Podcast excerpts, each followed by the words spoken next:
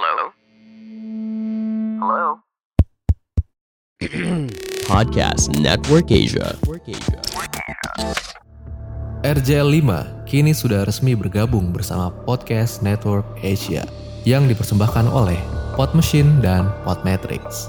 Untuk mempelajari lebih lanjut tentang network kami, ikuti Podcast Network Asia di media sosial atau langsung mampir ke websitenya di podcastnetwork.asia.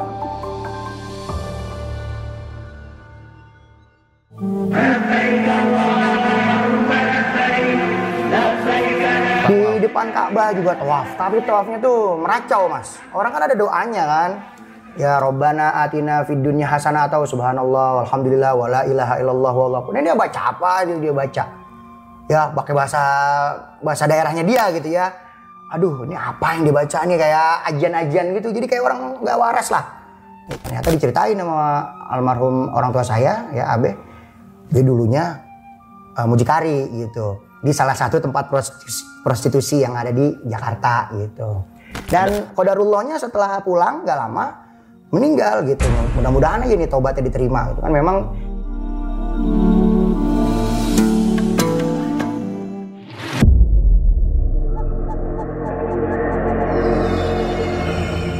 Selamat datang di podcast Om Mamat, obrolan malam Jumat. Bersama RJ5 Fajar Aditya. Ketakutan terbesar adalah dirimu sendiri.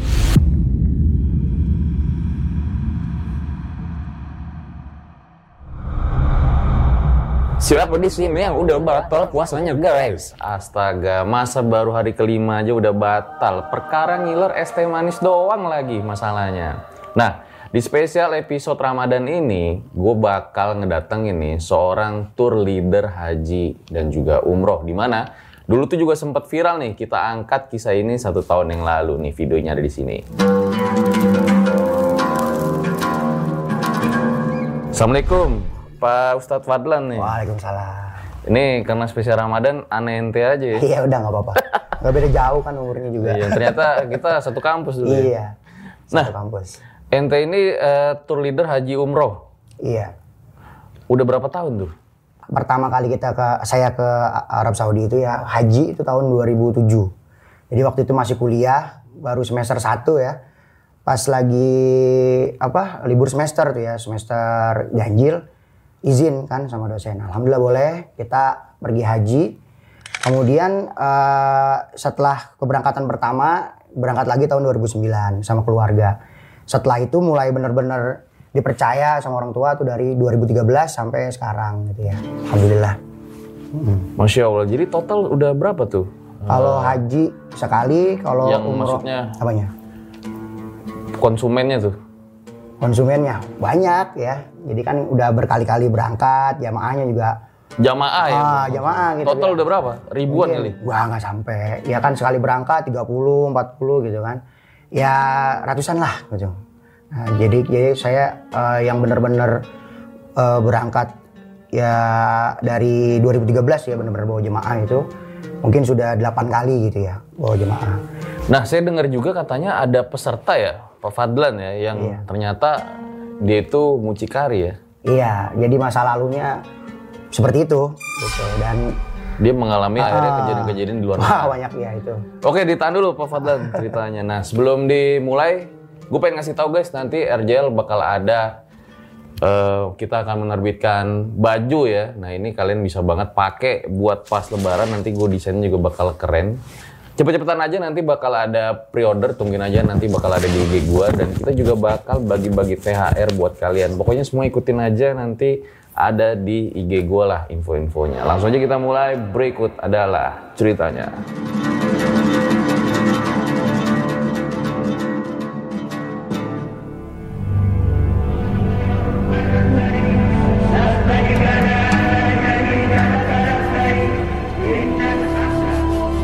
Pak Ustadz Fadlan boleh ceritain awal mulanya kayak gimana? Ya pertama sek- sekali ya ketika saya di, eh, ada keinginan untuk berhaji waktu itu, eh, saya bilang sama orang tua saya dan kebetulan kan orang tua saya ada kelompok bimbingan ibadah haji dan umroh di rumah.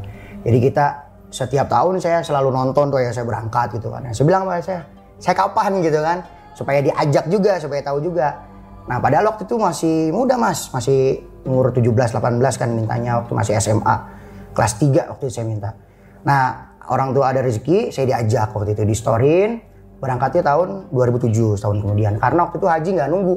Nggak seperti sekarang kan bisa nunggu 10 tahun eh, 20 bahkan sampai ada yang 40 tahun kan. Dulu masih gampang itu tahun 2006 2007 itu masih tahun ini setor tahun ini berangkat gitu. Nah berangkat juga waktu itu alhamdulillah saya diajak bawa jemaah. Tapi itu masih di supervisi sama ayah saya tuh eh, saya masih masih ikut tapi Jadi enggak memang meneruskan usaha Iya, orang tua iya ya. betul. Memang di kader lah ibaratnya itu ya. Sampai 2013 bisa hukum-hukumnya tahu, fikih hajinya paham gitu ya. Kemudian tempat eh, bersejarahnya, tempat-tempat ziarahnya juga hafal, sejarahnya juga tahu kan kebetulan juga saya belajar ya di di kampus gitu ya yang yang saya pelajari tentang ini gitu tentang bidang ini jadi passionnya tuh emang ke sana gitu dan alhamdulillah 2013 2000 berangkat lagi 2000 apa 14 eh, kemudian 2016 17 eh, 18 terakhir 2020 2020 stop tuh kan covid. Nah baru berangkat lagi kemarin alhamdulillah. Jadi totalnya yang saya benar-benar bawa sudah mungkin 7 sampai 8 kali gitu ya. Yang yang sisanya itu baru belajar lah istilahnya di training dulu kayak gitu. Wah, luar biasa nih. Nah, mungkin boleh lah ya langsung diceritakan. Jadi ini pengalaman saya dapat ketika saya haji tahun 2007. Nah di situ kan macam-macam nih mas ya. Ada pengalaman religi, ada pengalaman yang saya anggap ini suatu hal yang ajaib gitu ya. Ada yang seram juga gitu.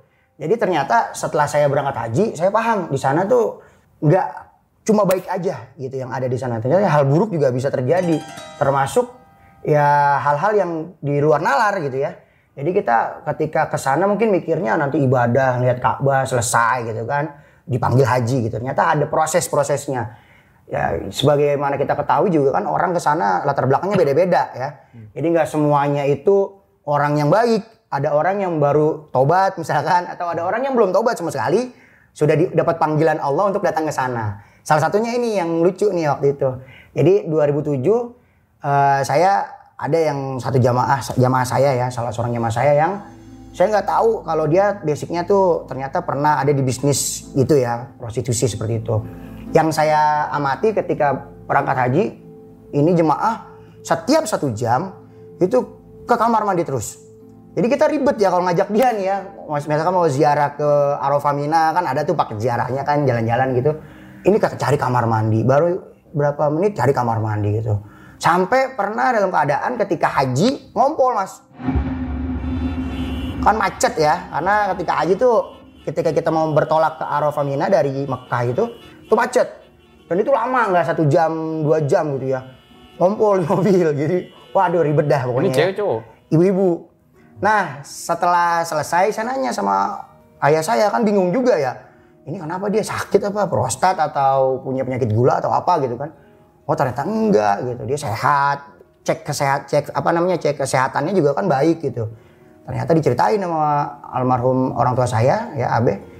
Dia dulunya eh, mucikari gitu di salah satu tempat prostitusi, prostitusi yang ada di Jakarta gitu. Jadi dia berangkat pakai uang itu gitu. Berangkat pakai uang hasil eh, ya itu jadi mami gitu. Aja tuh pokoknya di sana aneh deh kata saya ini tiap satu jam ke kamar mandi nyari toilet terus. Saya tanya emang sakit itu enggak enggak sakit sehat kok. katanya. Ya tapi alhamdulillah ini setelah selesai haji itu kan udah pulangnya ya nggak lama orangnya meninggal. Mudah-mudahan husnul khotimah nih dosanya dicuci di sana gitu ya di tanah suci gitu. Ya Tapi itu- sempet cerita nggak masalah saya nggak nanya karena itu kan saya nggak nggak itu kan ini ya privasi saya juga nggak berani nanya tapi orang tua saya tahu ini pemain dulu dia pernah ya seperti itu. Dan masih saat itu haji masih pakai uang itu gitu. Masih pakai uang hasil dari prostitusi gitu. Jadi di sana ya kejadian yang dialami ya begitu. Jadi pipis mulu sampai ngompol di mobil. Nah itu sampai dimarahin Arab saya mas. Supirnya marah-marah gitu ya. Ini ngompol harus ada yang tanggung jawab gitu ya harus dibersihin gitu kan. Saya bilang udah tinggal aja gitu. Yang penting dibayar kasih kasih tips lah gitu. Lebihan buat dia bersihin itu kompolnya ya Allah alam ya mungkin ini ya kalau dibilang pembalasan ya bisa jadi gitu ya tapi kalau kata saya pembalasan bisa di mana aja mungkin ketika dia haji Allah Allah nganggap wah ini hambaku nih dosanya banyak aku cuci di sini mungkin seperti itu ya. Jadi dibersihin di situ. Dan kodarullahnya setelah pulang nggak lama meninggal gitu. Mudah-mudahan aja nih tobatnya diterima gitu kan. Memang di sana kita tekankan dari orang tua juga untuk setiap jemaah yang ikut Makkah Madinah itu tempat bersuci. Tempat suci, tempat kita bersuci nanti di sana dari segala macam dosa. Tempat kita minta ampun sama Allah, tempat kita beristighfar, tempat kita ya apa namanya mengakui semua dosa-dosa kita dan berhenti di situ gitu. Nah, jadi setelah pulang saya dengar sih udah nggak lagi, udah nggak main lagi gitu kan, dan udah berubah, ada perubahan, nggak lama meninggal orangnya. Ada lagi mungkin Pak Ustadz Fadlan? Ya ada banyak itu yang saya tulis. Yang yang pengalaman pribadi saya sendiri juga ada waktu itu. Eh saya kan tinggalnya di namanya distriknya itu waktu itu uh, Rea Zakhir distriknya. Nah, kalau kayak kita kecamatan nama daerah itu orang panggilnya Jumaizah. Mungkin kalau di Google bis- bisa cari lah di situ. Nah, saya tinggal di situ ya kan. Kemudian da- daerah itu menuju ke Masjidil Haram itu 2 kilo jaraknya. Sekitar 2 km. Jadi kalau berjalan kaki mungkin sekitar setengah jam sampai satu jam ya. Nah, di situ saya selalu jalan kaki karena naik mobil lumayan, Mas. Naik ang kalau bahasa kita tuh mobil Toyota Hiace dijadiin angkot ya. Jadi nunggu penuh dulu nih, jemaah dari mana aja ngumpul baru jalan gitu ya. Itu dua real dulu, dua real. Kata, saya, sayang lah dua real pulang pergi kan 4 real. Dengan jalan kaki aja gitu kan. Dan itu kan setiap langkah yang kita pakai ke masjid ada satu kebaikan kan. Jalan kan saya. Nah di situ saya lewatin dua tempat bersejarah mas. Di situ ada namanya Masjid Jin. Masjid Jin sama eh, kubur eh, Jannatul Ma'la. Jadi itu makam eh, istri Rasulullah yang pertama, Sayyidatuna Khadijah. Jadi pasti kita lewat situ kalau mau ke masjid ya. Nanti nembus-nembusnya daerah Gaza namanya. Nah pernah kejadian waktu itu sholat subuh di sana kalau musim eh, dingin itu subuhnya itu eh, malamnya itu agak cepet ya mas ya. Jadi waktu itu jam kira-kira jam setengah empat lah Eh, jam setengah empat itu saya harus jalan ke masjid karena satu jam sebelum azan kan saya jalan kaki ya. Azannya setengah lima kurang lebih. Nah di Arab Saudi itu azan di Masjidil Haram dua kali mas. Azan pertama sama azan kedua. Azan pertama itu bangunin orang lah istilahnya gitu ya. Jadi belum masuk waktu subuh tapi bangunin orang dulu gitu. Nah azan kedua satu jam kemudian. Nah, saya waktu itu eh, nggak- nggak ngeh ini azan pertama atau azan kedua gitu ya. Saya berangkat tuh bangun uh, orang tua saya pamit sama orang tua saya saya jalan aja duluan kan orang tua saya karena jauh ya jadi ke masjid mungkin hanya beberapa sholat aja ke sana gitu ya saya izin mau ke masjid jalan deh tuh saya lewatin masjid itu masjid jin namanya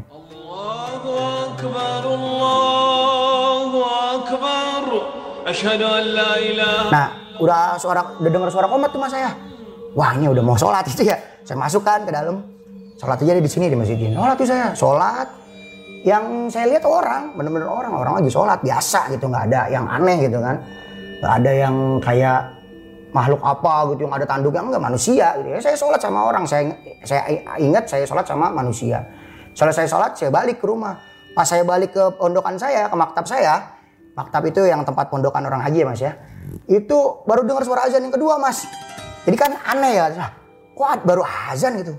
Emang tadi lu sholat di mana? Sholat di masjid jin gitu. Wah kata orang tua, udah udah nggak usah nanya, udah nggak usah banyak tanya. Orang tua saya udah ketawa aja. Lalu sholat sama imamnya berarti bukan manusia katanya gitu.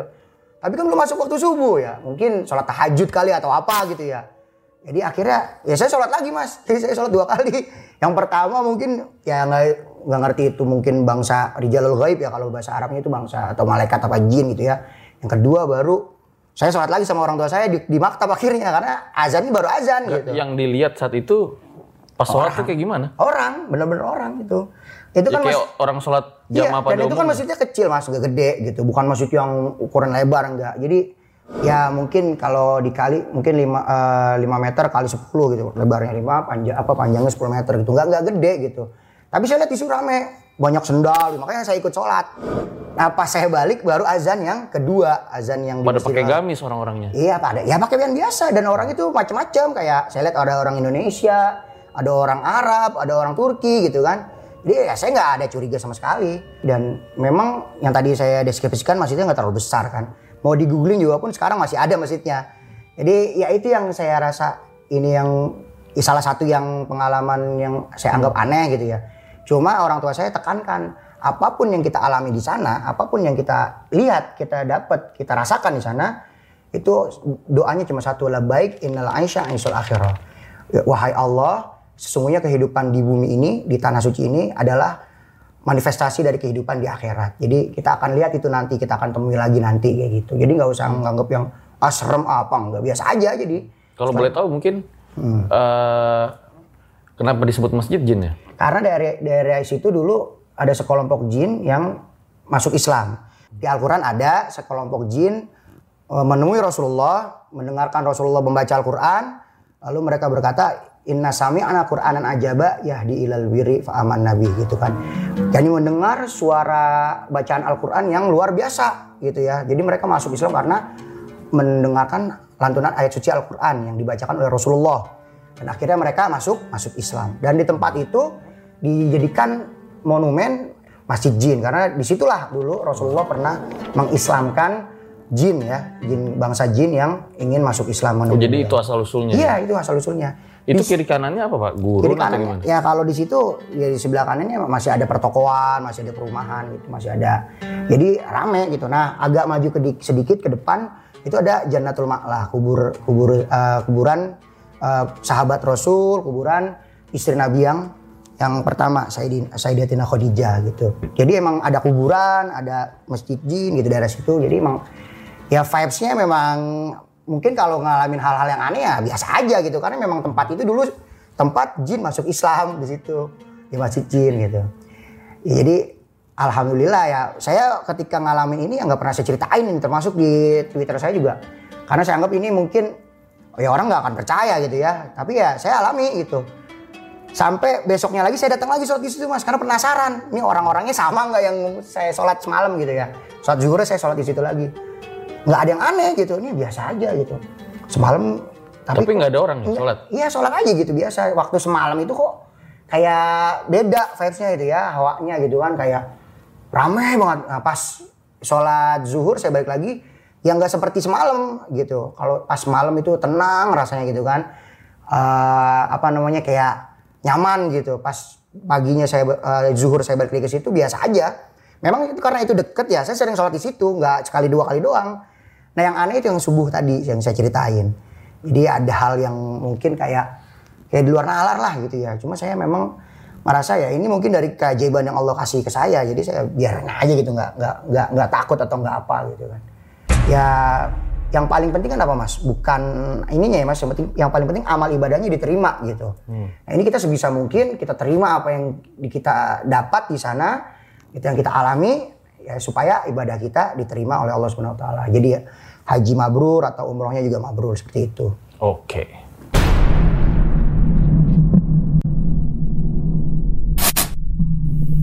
Buat kalian yang punya pengalaman horor nyata, bisa kirim cerita kalian ke email rj5 atau DM Instagram rj 5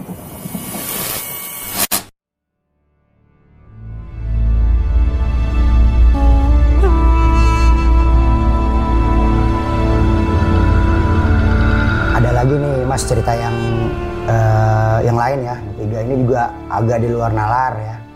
Eh, jadi jemaah saya ini salah satu suku lah di Jawa Timur gitu ya. Nah ini dia ini berguru pernah berguru gitu ke ilmu-ilmu entah itu ilmu apa saya nggak paham ya rontek atau apalah gitu ya. Ilmu kebal atau apa gitu. Jadi ketika ke sana ya punya khodam gitu punya ada jinnya gitu yang dia pelihara diajak umroh sama dia gitu. Nah di sana tuh ada apa jadi ada hal-hal yang saya pikir kok aneh gitu ya. Jadi kayak kayak ini orang nggak beres gitu. Ini laki apa? Ah, laki bapak-bapak ya laki-laki. Jadi ketika saya ke Jabal Uhud kalau nggak salah waktu di Jabal Uhud ya waktu itu musim batu mas. Dia lihat mungkin ada batu kali warnanya kan memang batunya di sana warna-warni ya karena cakep gitu ya diambil batunya sama dia. Ya dibawa kan ke maktab. Padahal waktu manasik itu kan udah dipesan sama eh, tour leadernya. Waktu itu kan ayah saya tour leadernya dia bilang apa pun yang kita temuin di sana yang kita lihat jangan diambil. Gitu ya. Eh, bahkan ketika kita lihat uang jatuh pun itu kalau bukan punya kita dan kita nggak yakin mau mulangin jangan diambil. Karena nanti jadi masalah buat kita gitu. Itu yang diambil apa? Batu. Batu Jadi gimana? batunya tuh warnanya ada biru-birunya gitu. Kan nggak ngerti buat apa gitu. Saya yang saya denger sih kayaknya dia buat pegangan ngomongnya gitu. Mungkin buat jimat atau apa gitu ya. Ya dibawa tuh batunya, dibawa. Nah, sampai di maktab, wah muncul lah tuh. Ah, di di hotel ya, bukan di maktab, di hotel. Jadi tempat tinggalnya kalau kita umroh tuh biasanya di hotel kan. Nah di hotel itu di Madinah nih ya, masih di Madinah di Uhud itu habis dari Uhud ziarah Uhud sampai hotel ada hal yang aneh gitu ya. Jadi dia kayaknya kayak ngomong sendiri terus gitu mas. Jadi dia kayak ngomong sama orang tapi orangnya nggak ada. Mungkin nggak tahu itu kodamnya atau apa. Ngomongnya itu kayak pulangin, ntar saya pulangin. Saya mau bawa pulang, ngomong sendiri gitu. Ini buat buat pegangan, buat pegangan. Ngomong-ngomong terus kayak gitu buat pegangan, buat pegangan. Kan kita nggak ngerti ini kenapa gitu ya. Nah ternyata yang sekamarnya emang teman dia dari kampung dari Indonesia ya, paham kan. Emang dia punya ilmu kayak gitu. Jadi ya di sana tingkahnya aneh, kayak orang nggak waras lah gitu. Sering hilang gitu, sering di ketika lagi ke masjid bareng sama saya. Tiba-tiba pas saya nengok orangnya udah nggak ada. Gitu. Sampai di- ditungguin sampai satu jam, dua jam baru balik. Dari mana? Habis apa gitu jawabannya kayak nggak nggak bener gitu kayak habis habis bertemu seseorang kayak gitu habis ada misi ada apa gitu. Jadi kayak wah ini orang nggak beres saya pikir dia stres atau kenapa gitu ya. Nah saya belum tahu kalau dia ternyata pernah berguru ilmu-ilmu yang nggak benar gitu. Berguru ilmu hitam lah kalau bahasanya sekarang gitu ya. Ternyata pas temennya cerita wah nyambung ceritanya sama saya. Pantesan yang ngomongin sendiri gitu ya. Pantesan kalau dia ke masjid hilang. Gitu. Jadi memang dulu sempat ramai kan itu di ada di manifest di Twitter ya katanya eh, ada tetangga gua eh, ngambil pesugihan ke Arab gitu ya. Mungkin bisa jadi seperti ini nih jadi saya relate gitu ya bisa jadi ada yang seperti itu gitu. Ngambil pesugihannya jauh banget dia ke Arab gitu. Jadi ada beberapa orang mungkin yang ke sana niatnya salah. Bukan untuk beribadah tapi ya mengambil kesaktian ngambil batu ngambil apa gitu. Dia Terus akhirnya gimana? Wah stres itu kita yang pusing Tapi ini. sempat ini. di depan Ka'bah juga tawaf. Tapi tawafnya tuh meracau mas. Orang kan ada doanya kan? Ya Robbana atina fid dunya hasanah atau subhanallah walhamdulillah wala ilaha illallah wallahu ini dia baca apa dia, dia baca? Ya pakai bahasa bahasa daerahnya dia gitu ya. Aduh ini apa yang dibaca nih? Kayak ajian-ajian gitu. Jadi kayak orang nggak waras lah. Kayak gitu. Jadi depan Ka'bah malah baca ajian-ajian. ya, ya itu begitu kata saya. Wah ini nggak bener ini kan gitu. Saya bilangin Pak, bacanya doa sesuai tuntunan gitu kan. Dengerin saya ikutin. Iya mas, iya mas, iya iya aja. Awal-awal ngikutin tuh pas saya baca dia ngikutin. Nah pas udah eh, udah putaran kedua ketiga baru ba- dibaca lagi doa yang tadi itu doa kalau bahasa kita mungkin mujarobat atau apa gitu ya. Ya ya itu jadi salah niat kayak gitu. Ah, ah, mungkin itu yang yang rame. Saya pikir wah ini yang mungkin rame di manifest waktu itu kan ada di upload di Twitter ya. Katanya kalau cari pesugihan itu ada yang tetangganya ke, ke Arab gitu. Mungkin ya praktiknya begini kali gitu. Jadi di depan Ka'bah ya doanya ya aneh gitu. Dia, dia, dia- jadi dengan kayak mujarobat gitu. Kan nggak boleh kayak gitu kan musyrik. Ya berbuat syirik di luar Ka'bah, di luar tanah haram aja itu nggak boleh, apalagi di depan Ka'bah yang justru setiap kebaikan yang kita kerjakan di sana kan pahalanya 100 ribu kali lipat ya mas ya. Tapi kalau kita berbuat keburukan ya sama dosanya 100 ribu kali lipat. Gitu. Jadi itu yang yang menurut saya aneh gitu dan sampai pulang pun kan saya ziarah lagi tuh ke Taif ya saya plus ya. Itu hilang lagi mas di Taif. Sampai ditemuin sama kuli bangunan orang Indonesia lagi kerja. Kata kata kuli bangunan lucu. Pak, ini saya lihat dia, saya nggak kenal dia. Tiba-tiba dia ikut proyek saya kata dia gitu. Ikut ngaduk-ngaduk semen kata dia gitu kan. Saya tanya bapak dari mana gitu. Pakaiannya pakaian orang umroh kan, ada ID card segala macam. Wah bapak nyasar nih, enggak saya mau kerja. Ya, jadi error gitu. Error dianterin kan ke masjid namanya eh, di, di Taif itu Masjid Abdullah bin Abbas ya. Dianterin ke sana, ketemu sama saya, wah teman saya lagi saya cari kan orangnya nih orangnya. Ketemu, Mas ini tadi dia saya lihat di tempat saya ngikut ngaduk semen ngaduk pasir. Saya nggak kenal ini siapa gitu kan. Pas saya lihat ini jemaah umroh nih, karena ada ID cardnya, saya anterin kan ke sini. Ya ini mesti tolong dijagain gitu. Wah error bener nih. Sampai ke Indonesia juga begitu. Malah tambah parah mas. Jadi tambah error gitu. tambah nggak nggak bener lah gitu. Itu kalau kita ke sana tujuannya yang lain. Jadi ambil batu, cari kesaktian itu salah kalau gitu di sana. Ya di sana tujuan kita yang paling utama apa? Ya beribadah, bertaubat, minta ampun sama Allah, sama ya mengambil kemuliaan kota suci Mekah dan Madinah gitu kan. Jadi jangan sampai salah niat. Bahaya karena memang kalau udah apalagi sampai bawa pulang batu atau apa. Karena ada kejadian lagi eh, ini cerita orang tua saya juga nih waktu haji tahun 96 kalau nggak salah. Itu ada sampai Mas sama hampir mirip kayak gini. Cuma ini batunya sampai dibawa pulang Mas ke Indonesia.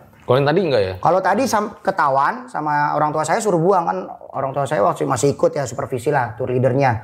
Saya kan eh, mau tawif bagian bawa bawa jemaah gitu. Kebetulan dia yang saya bawa waktu itu. Mana batunya? Saya bilang saya ambil di tasnya. Wah banyak mas batu. Buat apa? Kata dia. Buat ini pegangan. Udah saya buang tuh. Saya buang saya ambil eh, ke depan hotel tuh ada, ada tempat sampah. Saya masukin ke tempat sampah. Gak boleh kayak gini di situ. Saya bilang. Di sini tuh gak boleh hal-hal kayak gini gak boleh gitu. Nanti parah dah efeknya gitu kan. Bukan sampean doang yang kena nanti saya juga kena gitu. Karena sialnya maksudnya gitu kan. Ya memang nyusahin mas. Jadi hilang terus tuh. Dalam setiap keberangkatan ke mana ke tempat ziarah dia jalan sendiri. Sampai akhirnya tuh orang tua saya bilang pegangin. Terus saya pegangin gitu ya dia kayak kayak bawa pasangan gitu saya. "Nih, pegangan saya jangan ke mana-mana ya? Gitu.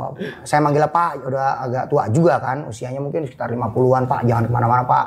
Nanti hilang saya saya saya repot saya bilang gitu. Saya pegangin gitu. Ya itu dia. Ternyata kata temen yang sekamarnya ya tadi dia berguru waktu di tanah air. Dan itu ngambilnya jauh mas ke mana-mana dia. Jadi ngambilnya ada yang di Gunung Kawi gitu ya. Ada yang di macem-macem dah tuh tempat-tempat pesugihan gitu gitu ngambil. Nah emang niatnya salah jadi ya ke sana ya buat cari itu cari cari kesaktian lah biar berkah atau ya boleh minta sama Allah minta keberkahan tapi kan mintanya sama Allah. Tidak pakai perantara batu atau apa gitu ya. Atau ada yang apa eh, dipelihara gitu khodam gitu. Nah itu juga lucu tuh pas tawaf itu kan dia ngeracau tuh ngomong sendiri mas. Ngeliat-ngeliat ke belakang mulu gitu. Sampai orang yang top di belakangnya kan bingung ini orang kenapa gitu ya. Saya bilang aja nih nih gitu stres saya bilang gitu saya kasih kode gitu. Ya ya apa nggak apa-apa nggak apa-apa. Jadi orang Arab tuh diomelin sama dia bilang maklis maklis nggak apa-apa. Gini gitu kan. Junun junun dia bilang itu stres gitu. Ya akhirnya ketawa gitu kan akhirnya ikut sama saya. Sampai rumah makin jadi mas. Makin ya makin parah gitu gilanya. Gitu jadi ya karena itu tadi nggak bener ya Pandangan dan opini yang disampaikan oleh kreator podcast, host, dan tamu tidak mencerminkan kebijakan resmi dan bagian dari podcast Network Asia. Setiap konten yang disampaikan mereka di dalam podcast adalah opini mereka sendiri dan tidak bermaksud untuk merugikan agama, grup etnik, perkumpulan, organisasi, perusahaan, perorangan, atau siapa pun dan apa pun.